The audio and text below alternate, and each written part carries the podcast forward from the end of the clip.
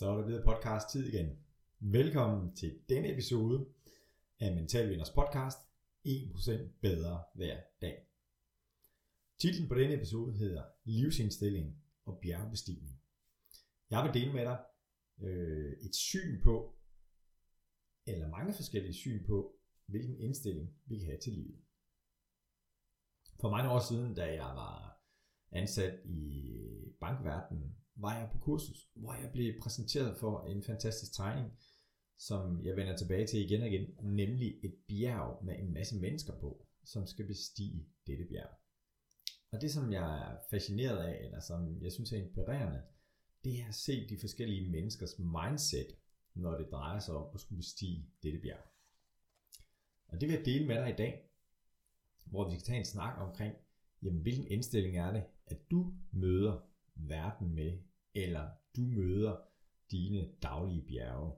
Og det er jo ikke os alle sammen, der har en øh, drøm eller mål om at skulle bestige Mount Everest eller Mont Blanc, det højeste bjerg i Europa. Men alligevel har vi vores egne bjerge. Det kan være, at jeg vil gerne være en god forældre. Jeg vil gerne være en god rollemodel.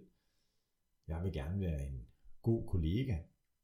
Jeg vil lykkes med det her projekt, som jeg har fået øh, tildelt ansvaret for. I det hele taget, gennem den måde, jeg udtrykker mig på og handler på, vil jeg gerne efterlade et godt indtryk hos andre mennesker omkring mig. Og hvor kommer din indstilling til livet fra? Din livsindstilling. Ja, hvis vi for eksempel snakker talenter, sige, hvis vi har talent for et eller andet, er det noget, der er arveligt? Eller er det noget, som vi lærer i løbet af vores opvækst? Og forskere siger, at omkring 60%, måske 65% af vores evner er noget, vi arver, og det resterende 35-40%, det er noget, som vi udvikler igennem vores opvækst. Så hvad der er rigtigt og hvad der er forkert, altså også vores værdier, jamen det er dels noget, som vi har arvet fra vores øh, forældre, men også noget, vi udvikler gennem de mennesker og de miljøer, som vi opvokser i i løbet af vores barndom. Dit sprog bliver din virkelighed. Det som du fokuserer på, det som du tænker på, er også det, der kommer til at ske. Og det er netop den her tilgang og bevidsthed omkring at sige, det som jeg i tale sætter, er også det, der sker. Og når vi snakker bjergbestigning, og nede i data for denne episode, finder du et link til billedet af bjerget, som jeg taler om nu. Der er en række mennesker, som nogen står for foden af bjerget, andre er på vej op, og der er faktisk en, der står helt oppe på toppen af bjerget og siger, jeg har nået mit mål, og står med hænderne i siden, lidt ligesom Cristiano Ronaldo, fodboldspilleren, inden han skal skyde et frispark eller et straffespark. Så en, der har nået sit mål.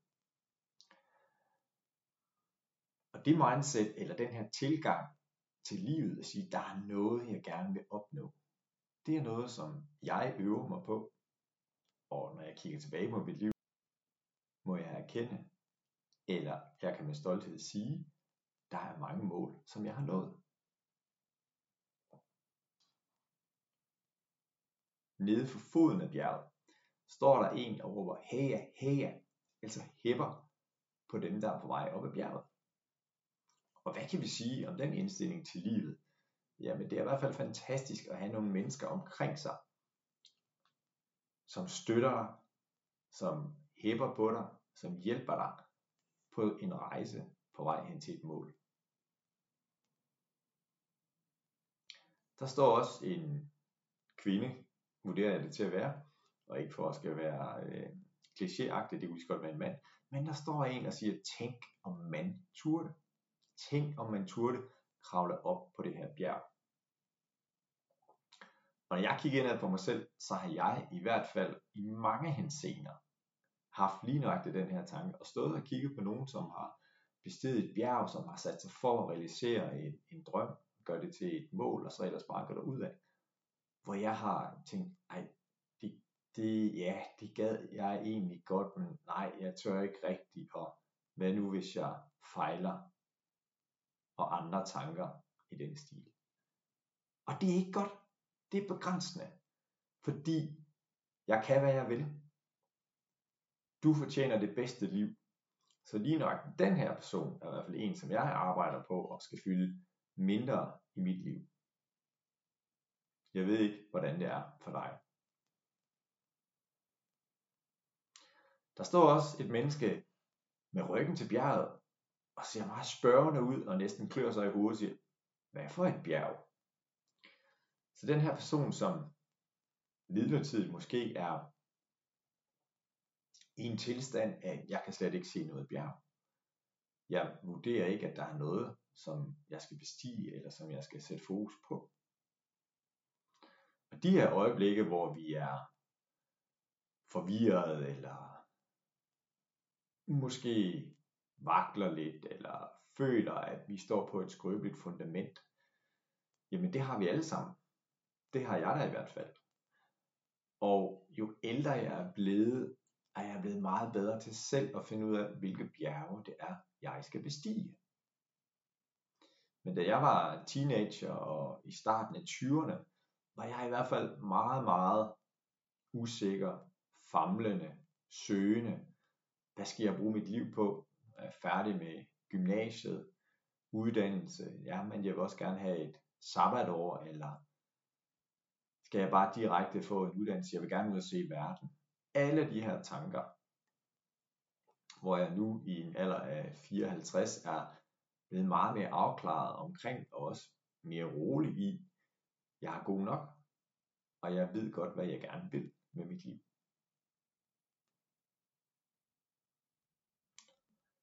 Nede for foden af bjerget står der også en mand, dejligt tilbagelænet med hænderne i lommen, og siger, findes der nogen svævebane? Og den her person, som har det her mindset, ja, jeg vil egentlig gerne op til toppen, kan vide, om der findes en svævebane. Den tolker jeg på forskellige måder. Det kan være den dogne, sige, jo, jeg vil gerne til toppen, men det skal være med minimal indsats fra min side.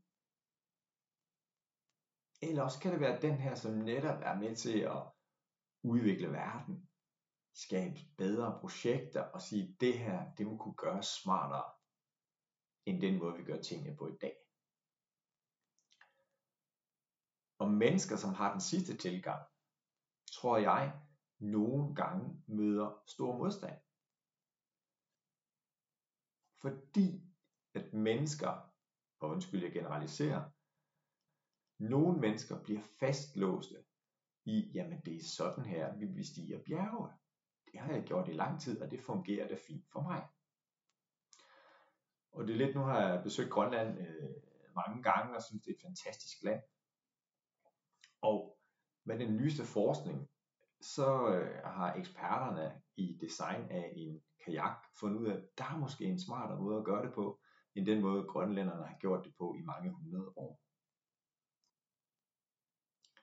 Og så kan vi jo have diskussionen, diskussion, sige, jamen, skal vi så for fremskridtets skyld, som grønlænder, ændre den måde, vi laver vores kajakker på, som har fungeret så fint for os i mange, mange hundrede år? Eller er det helt okay at holde fast i, det her det fungerer for mig? Og med det er jeg også begyndt at løfte sløret for at sige, hvordan er det, at vi håndterer forandringer? Skal der være forandringer? Nogen siger, at hvis du ikke er under udvikling, er du under afvikling. Så det er en interessant diskussion, som jeg ikke vil gå dybere ind i her, men også for dig til at reflektere over, hvordan er det egentlig, at du møder verden, eller når du skal bestige bjerget.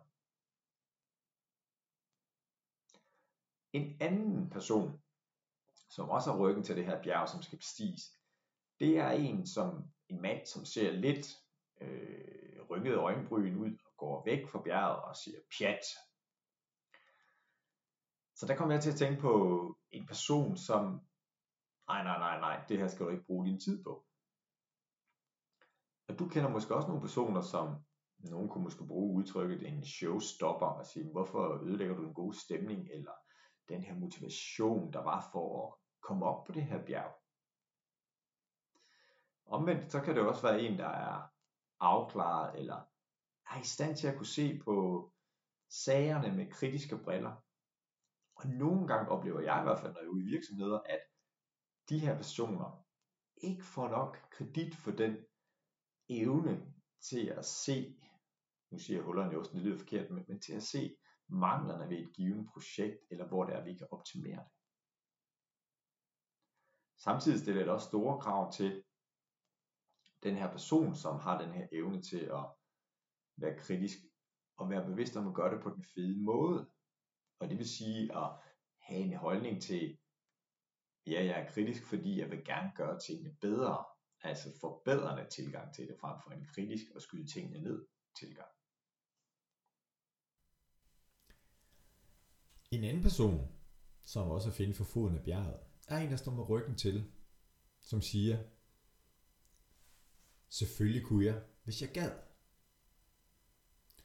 Og en anden person sidder lige for foden af bjerget med ryggen op af den første klippe, og har den her indstilling til livet at sige, kan aldrig betale sig og forsøge. Og de her to personer, ja, hvis vi skal prøve at gå ind og tænke, fantasere, hvad er det for en indstilling til livet, du har, når du møder verden med, selvfølgelig kunne jeg, hvis jeg gad. Fordi en af de ting, jeg er stødt på i min tid som øh, landstræner i badminton, det er et, et motto, som jeg faktisk hylder rigtig, rigtig meget. Og det lyder sådan her. Det er bedre at have forsøgt og fejlet, end slet ikke at have forsøgt. I min tid som en del af det danske landstrænerteam har jeg rejst med de bedste spillere i verden, og på en tur hjem fra Schweiz øh, snakkede jeg med en, som var en dansker, som var nummer syv i, i verden i herresingle på det her tidspunkt. Og vi snakkede om en, en ung spiller, som øh, var taget ned til Swiss Open og havde spillet den her turnering og havde fået store klaps i, øh, i første runde og måske havde fået 5 og 5 point. Hvor at den her spiller, som var nummer 7 i verden, sagde, hvorfor i alverden gør han det? Det er jo til grin, det er jo latterligt, det bliver aldrig til noget. Og det er afhængigt af, fra hvilket perspektiv vi ser tingene på. Fordi på den ene side havde jeg enormt stor respekt for den her unge, fremadstormende spiller, som havde en tilgang og en indstilling til livet, jeg vil hellere have forsøgt og fejlet, end slet ikke have prøvet. Og det her med ordet fejle, jamen hvad er det for noget? Fordi hvornår fejler du? Kontra, jeg lykkedes ikke i første omgang, men jeg har ja, begået nogle fejl i forhold til andre, som er mere erfarne på det givende område. Og det jeg er i gang med nu, det er at konvertere de her fejl til erfaringer, sådan at jeg næste gang kan præstere på et højere niveau. Så den her selvfølgelig kunne jeg, hvis jeg gad. Jamen jeg tror også hos nogle mennesker, så handler det om den her, jeg skal ikke bringe mig selv i spil, fordi så kan folk finde ud af, og oh, jeg kan faktisk ikke. Og det får mig til at tænke på Carol Dweck, som har arbejdet med det, der hedder et fastlåst mindset og et udviklende mindset. Fixed mindset og growth mindset. Det vil jeg sandsynligvis dele med dig i en anden kommende podcast, hvor vi prøver at tale omkring det her med, hvilken slags mindset eller livsindstilling har du til livet. Og der kan du nemlig komme ud i at fastlåse dig selv, så du tænker, at jeg kan ikke udvikle mig yderligere. Og det er i hvert fald det, jeg kommer til at tænke på den her med, selvfølgelig kunne jeg, hvis jeg gad, og kan aldrig betale sig og forsøge. På foden af bjerget står der også to kvinder, kan jeg se, hvor den ene siger, flot min pige, fordi hun kigger op ad bjerget, hvor der er en pige, der kommer opad. Og der er en anden, som siger, for højt for mig. Hvad kan vi sige om de to? Vi kan i hvert fald sige, at ligesom vi sagde hære hære omkring hæbberen herhjemme, så er der også en, der har en tæt relation, i det her tilfælde en mor, som roser sin datter, siger flot min pige. Og den anden, som også har noget selverkendelse, som siger, for højt for mig. Og det er sådan, at hvis der er nogle ting, du gerne vil opnå, så er det som regel uden for din komfortzone. Så det vil sige det her med, jamen de ting, som du har lært indtil i dag, de har bragt dig til det niveau, eller det sted, du er i dit liv lige nu her. Hvis du gerne vil videre, hvis du gerne vil bestige højere bjerge, som vi snakker om i dag, jamen så skal du ud af din komfortzone. Så skal du derud, hvor du føler, du mister fodfæstet for en stund, eller uha, jeg er lidt på gyngende grund. Og de mennesker, som besidder den evne, jamen det er også dem, som jeg tænker, at øh, de får et mere indholdsrigt liv. De får stærke relationer, de får mere selvtillid. Ja, de bliver mentalt stærkere eller mentale vindere. Vi har også ned for foden en mor, som siger til en dreng, der er lige ved at ræse op i bjerget, hvor mor siger, du bliver her. Du bliver her. Og der er helt sikkert en god intention hos den her mor, om at øh, jeg vil gerne passe på mit allerdyreste og kæreste eje, nemlig mit barn. Du skal ikke derop. Og det er i hvert fald en ting, jeg er meget optaget af, når jeg ser forældre og børn. Øh, jeg har en søn, Oliver her, som snart er 8 år, der går i første klasse. Og der har jeg set nogle gange øh, nogle forældre, som følger deres børn i skole, enten de går eller de cykler. Og jeg ser, det kunne være en mor, som kommer cyklerne med sin søn ved siden af, og sønnen har sin skoletaske på ryggen. Det gør mig glad, fordi derved er moren med til at selvstændiggøre barnet. Jeg har desværre også set nogle øh, mødre, som har barnets skoletaske på bagagebæren på egen cykel, og øh, barnet kører uden nogen ting. Og jeg skal jo ikke øh, gøre mig klog på, hvordan andre forældre opdrager øh, egne børn. Men noget af det, jeg er optaget af, det er i hvert fald, at øh, min rolle er at være med til at gøre Oliver i stand til at kunne klare sig selv, i hvert fald når han er 18 år myndig, men også gerne undervejs i sin opvækst, hvor han bliver stillet nogle udfordringer. Sige, okay, jamen, hvis du gerne vil det her, jamen så følger det her med. Eksemplet, at vi har været på skiferie, og øh, der har vi lært fra start af, at øh, ja, vi må rigtig gerne komme på skiferie, men du skal selv bære dit udstyr. Og det gør det dels lettere for os forældre at sige, så får vi med ud af ferien, fordi vi ved, at øh, Oliver han har styr på sit eget udstyr, og selvfølgelig vi hjælper ham i start, men det er en del af rejsen at være afsted. Så den her med, hvornår er det, du skal give slip, det er jo en ongoing diskussion som forældre. Hvornår er det, vi holder nogen tilbage? Hvornår er det, at vi siger, bare afsted, og så har vi en redningskrans klar, hvis det er, at det ikke går som forventet.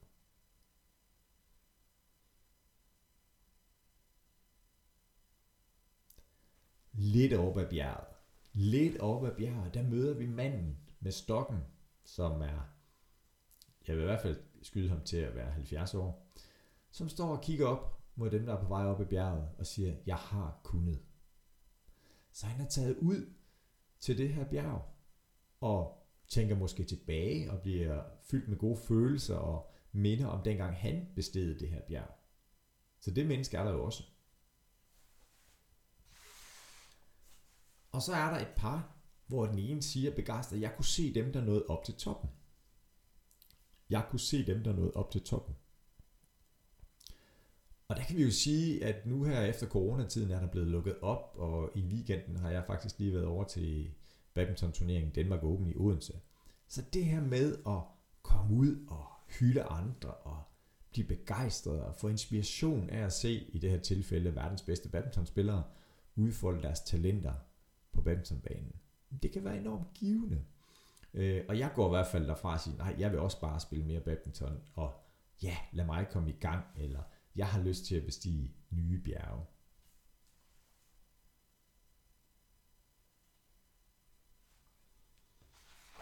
Nu går vi lidt længere op ad bjerget.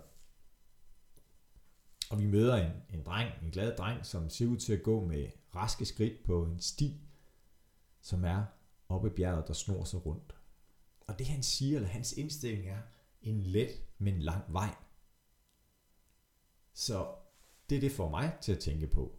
Jamen det er den her evne, og det er faktisk det, jeg har skrevet om i min bog, Nå din mål, hvor at vi skal lave små, overkommelige skridt på vej hen mod målet. Så når vi laver vores forandringer, når vi tager turen op, mod, op ad bjerget med så små skridt som muligt, så er det overkommeligt at tage et ekstra skridt. Og det kan godt være, at han bliver overhalet undervejs af nogen, der kommer ræsen, eller nogen, der tager den lige vej op ad bjerget, men må så erkende, at de brænder ud eller brænder sammen. Så en let, men lang vej. Det er også, hvis du hører episoden med Mads Hansen, verdens bedste håndbolddommer, hvor han netop refererer til det her med, jamen det gælder om at lave en masse små micro-wins hver dag. Det er det, der bringer os frem. Lidt længere op af, af den her sti, jamen øh, der kan jeg se en mand, som har blokeret stien med en stor klippe og siger, så nu kommer ingen forbi her. Så nu kommer ingen forbi her. Det kan jo være interessant at så sige, hvad er det for et mindset, eller hvilken indstilling er det, han har til livet? Nu kommer ingen forbi her. Og har du mødt nogle mennesker på din vej, som sådan er, Nå, du må ikke øh, være med i det her selskab. Det er ikke noget for dig. Og jeg tænker også i forhold til, deler vi viden, eller holder vi vores kort tæt ind til kroppen? Du må ikke komme ind og se, hvordan det vi gør ting. Og for 20 år siden, måske også for 10 år siden, var jeg meget optaget af at sige, jeg kan da ikke give mine bedste værktøjer væk, fordi hvad har jeg så tilbage? Men jeg har bare lært nu her, at ved det, at jeg deler gavmildt, synes jeg selv, andre vil måske sige, du er ikke særlig gavmild, Bjarne, men deler ud af den viden, jeg har, og værktøjer, som virker for mig, men også jeg ved virker for andre, del ud af dem, jamen det giver så mig så meget igen, for jeg får meget mere tilbage. Så det er jeg i hvert fald optaget af. Så møder vi den lille pige, som står og kigger ned og er kommet en tredjedel op i bjerget og siger, se mor. Og det er helt sikkert pigen, øh, moren nede på jorden, som siger, flot min pige. Så det her med at stoppe op og gerne vil vise andre, hey, jeg har faktisk kommet et langt stykke vej. Og det er en af de ting, jeg øver mig på dagligt, når jeg arbejder sammen med mennesker i virksomheder eller har klienter, men også i forhold til min søn. Åh ja, husk at anerkende andre menneskers indsats. Husk at være opmærksom på andre mennesker og anerkende deres indsats. Ikke så meget resultatet, men åh, oh, du har bare været god til at fokusere på at komme op i bjerget. Eller var du god til at gøre dig umage? For det giver mere drivkraft og motivation. Og alle mennesker, stort set alle mennesker, vil gerne føle sig set, hørt og anerkendt. Hvordan er det egentlig for dig? Vil du også det? Og er der nogle mennesker, du higer efter at få mere anerkendelse fra og gerne vil høres og blive set? Og hvis du er leder, så er det også et rigtig godt tidspunkt at lige reflektere over dit lederskab. Hvor god er du til, at dine medarbejdere føler sig set, hørt og anerkendt? Lige ved siden af pigen, som siger, se mor, er der en ung fremadstormende gut, får jeg lyst til at sige, som har den her indstilling til at bestige bjerget. Jeg skal, jeg skal. Og over på den anden side af bjerget er der også en ung fremadstormende gut, som siger, jeg ved, jeg kan. Jeg ved, jeg kan. Og når jeg er ude og holde workshops, foredrag, kurser i mental træning, så snakker vi rigtig meget omkring det her med, jeg skal, jeg skal, kontra jeg kan, jeg vil jeg tør. Og det ord, som står ovenover det, det er forventninger eller forventningspres. Jeg har spurgt over 1000 atleter og stillet dem det her spørgsmål. Hvornår har du den bedste følelse inden i en konkurrence? Er det, når du er favorit, og det forventes, at det er dig, der kommer bedst ud af konkurrencen og vinder konkurrencen? Eller er det, når du er underdog, under, undertippet, altså det forventes, at din modstander skal vinde konkurrencen? Eller har du den bedste følelse, spændingsniveau, når I begge på papiret har en chance for at vinde konkurrencen? Og af de her 1000 atleter, som jeg har spurgt, så er det over 90% af dem, som helst vil være undertippet, helst vil være underdogs. Og så er det 1%, som siger, jeg vil gerne være favorit.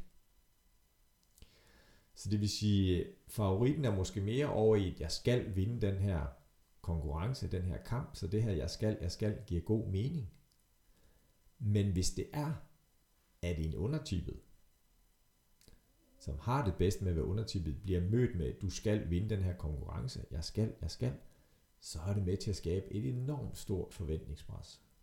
Det er ikke altid bevidst, men det er måske ubevidst. Så jeg vil bare opfordre dig til på at reflektere over, hvordan er din indre dialog? Er det den her, jeg ved, jeg kan, jeg vil, jeg tør bestige det her bjerg? Eller er det, jeg skal, jeg skal, jeg skal? Min anbefaling er at være meget mere over, at jeg kan, vil, tør. Fordi det viser sig, at det giver de bedste resultater. Jeg anerkender også, at en del af rejsen til at opnå rigtig, rigtig højt niveau, eller få udnyttet sine talenter fuldt ud, jamen det er vedholdenhed. Sige, jeg skal træne i morgen tidlig. Jeg skal få lavet den her løbetur. Jeg skal have lavet det her. Så reflekter over det hos dig selv. Og hvornår er det, du oplever det største forventningspres, enten for dig selv eller for andre? Og mange gange, mange gange, så sker det inde i dit eget hoved, når de andre forventer nok, at jeg præsterer sådan og sådan. Men det er aldrig blevet sagt. Så det er også der, hvor vores fantastiske hjerne kan spille os et pus. Så har vi en person, som har sin hakke med på bjergbestigningsturen, som siger, jeg elsker spænding. Jeg elsker spænding. Og i går var jeg i Næstved Boldklub, hvor jeg er mental træner, og så snakkede vi netop omkring det her med bjerget og livsindstillinger, og hvor der var nogen, som sagde, jeg har valgt den her, jeg elsker spænding. Fordi, og det kan for eksempel være i en fodboldkamp, at øh, vi fører måske 3-2, og vi er i overtiden, og modstanderne har hjørnespark. Okay, det er helt vildt spændende. Holder vi, øh, forhindrer vi modstanderen i at score et ekstra mål, eller hvordan? Eller det kunne også være straffesparkskonkurrence. Det kunne også være, at du har forberedt en præsentation for nogen, du gerne vil sælge, og du skal have det her møde, hvor okay, det kan gå på, det kan gå begge veje. Vi kan både få lov at få ordrene, eller vi kan ikke få ordrene, der er nogle andre nogen, der får dem. Men den her at sige, hey, jeg kan godt lide at komme langt ud af min komfortzone, fordi jeg ved, at det er der, jeg udvikler mig. Og det også viser, at han har, han har taget en svær vej, og han har en hakke med. Jeg håber også, at han har nogle reb med, så han har sikret sig i at bestige det her bjerg. I hvert fald er det en anderledes tilgang i forhold til den unge gut, der tager den her en let, men lang vej. Så er der en anden person på bjerget, som siger, det går aldrig. Det går aldrig. Han er halvvejs oppe. Og hvad er det, der er på spil hos ham? Ja, det kan vi kun gisne om.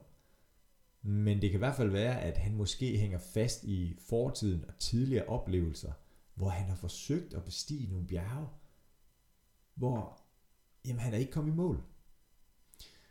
Og med eksempel fra badmintonspilleren, jeg gav øh, før, hvor jeg siger, det er bedre at have forsøgt og fejlet, end slet ikke have prøvet. Jamen så er det jo et eller andet sted at sige, hey, du er i gang med at bestige bjerget. Så den her, det går aldrig. Hvis den ikke bringer dig derhen, hvor du gerne vil, skal vi så ikke prøve at, at skubbe den tanke i baggrunden, og så få en anden tanke og sige, små skridt ad gangen, eller jeg ved, jeg kan. Ved siden af den mand, der siger, det går aldrig, jamen der har vi en, som siger, så langt har jeg aldrig været før. Så langt har jeg aldrig været før. Og der er en lidt længere oppe, som siger, sikkert perspektiv, sikkert udsigt. Og med det vil jeg bare dele med dig, hey,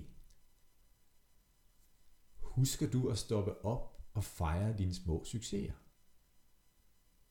Husker du at rose dig selv og anerkende dig selv for den indsats, du har gjort? Eller husker du at rose dit team? Husker I i teamet at stoppe op og sige, wow, vi er faktisk kommet rigtig langt. Ja, ja, vi er ikke i mål endnu, men lad os lige prøve at kigge tilbage på de her forhindringer, vi har overvundet, og se, hvor vi er kommet i dag. Det er noget, jeg øver mig på, og husk at stoppe op undervejs og sige, wow, det er faktisk rigtig, rigtig godt. Og der har jeg sådan lidt, ja, men du er ikke i mål endnu. Og der kommer den her indre stemme hos mig, siger, ja, ja, men du er ikke færdig. Og den har jeg haft mange slåskampe med.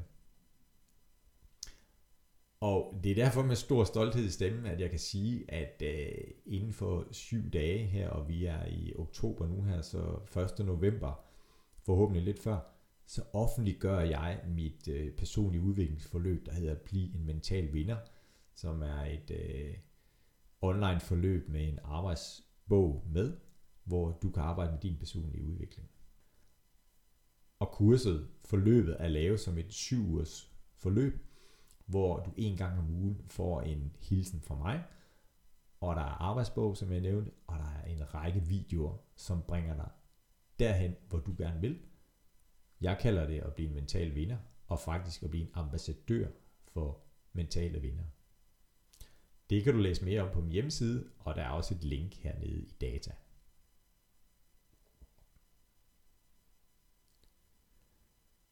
Næsten oppe på toppen er der en pige, en kvinde, som siger, jeg bliver svimmel. Og hun er ikke ret langt fra toppen. Men der sker i hvert fald et eller andet. Og det jeg kommer til at tænke på, jamen det er det her med, jamen nogle gange har vi presset os selv så meget. Nogle gange har vi måske bare kørt på. Vi har overhørt faresignalerne, fordi vores krop er fantastisk, fordi den passer på os den forsøger at fortælle os, hvis du er blevet syg, hey, du skal lige sætte tempoet ned. Den forsøger at fortælle os, at hvis du ikke kan sove om natten, så har du nok for meget på din tallerken. Så her der handler det om mental sundhed. For en måneds tid siden var jeg ude og øh, på et af rådhus og besøgte en øh, gruppe byrådspolitikere. Politikere. Og jeg spurgte den her gruppe, jeg tror der var 12 personer, hvor mange af jer har en stresshistorie bag sig? Jeg kunne også godt have spurgt, hvor mange har en stresshistorie foran jer, men det gjorde jeg ikke. Jeg kiggede bagud. Og det, der var skræmmende, det var, at der var over 40% af den her gruppe af fantastiske mennesker, som markerede og sagde, at jeg har været lagt ned med stress. Det ønsker jeg ikke for dig. Jeg har haft stress tæt inde på livet, og kan bare se, hvad det gør ved mennesker.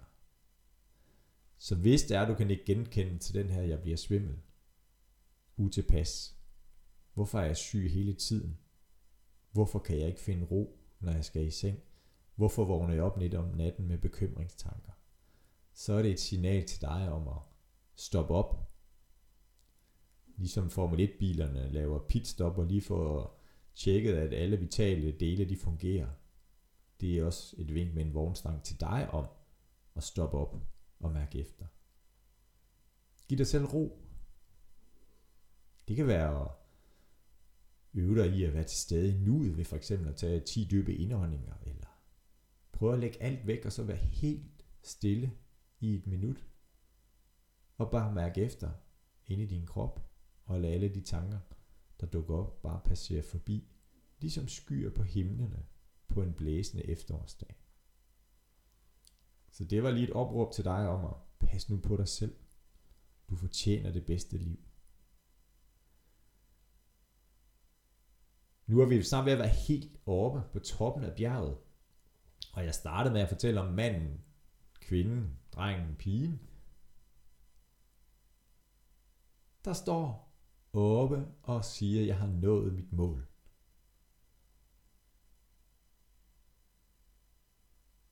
Og nu er jeg lige stille et øjeblik, fordi jeg går lige selv tilbage i tiden og tænker på en række mål, som jeg faktisk er stolt over, glad over, glad for at have nået i mit liv. Og det får du også lige lov til. Du kan eventuelt pause podcasten her, og lige finde tre oplevelser frem, som fylder dig med glæde, stolthed, ro og overskud. Værsgo.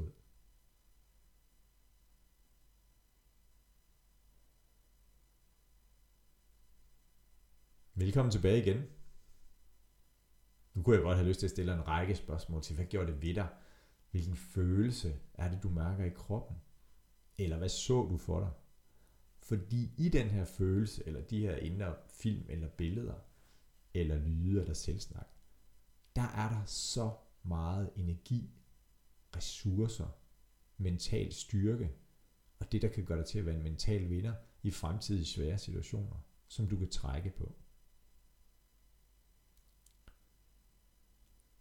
Og lige nedenunder vores kære ven, som har nået sit mål, er der en dreng og en pige, som siger, skulle vi prøve et nyt bjerg, så går det nedad igen. Og lige nedenunder vores kære ven, der har nået sit mål, er der en dreng og en pige, som har en indstilling, der siger, så går det nedad igen. Og pigen siger, skulle vi prøve et nyt bjerg. Og netop den her tilgang til livet, sige, der er et bjerg, jeg gerne vil bestige, der er et mål, jeg gerne vil nå.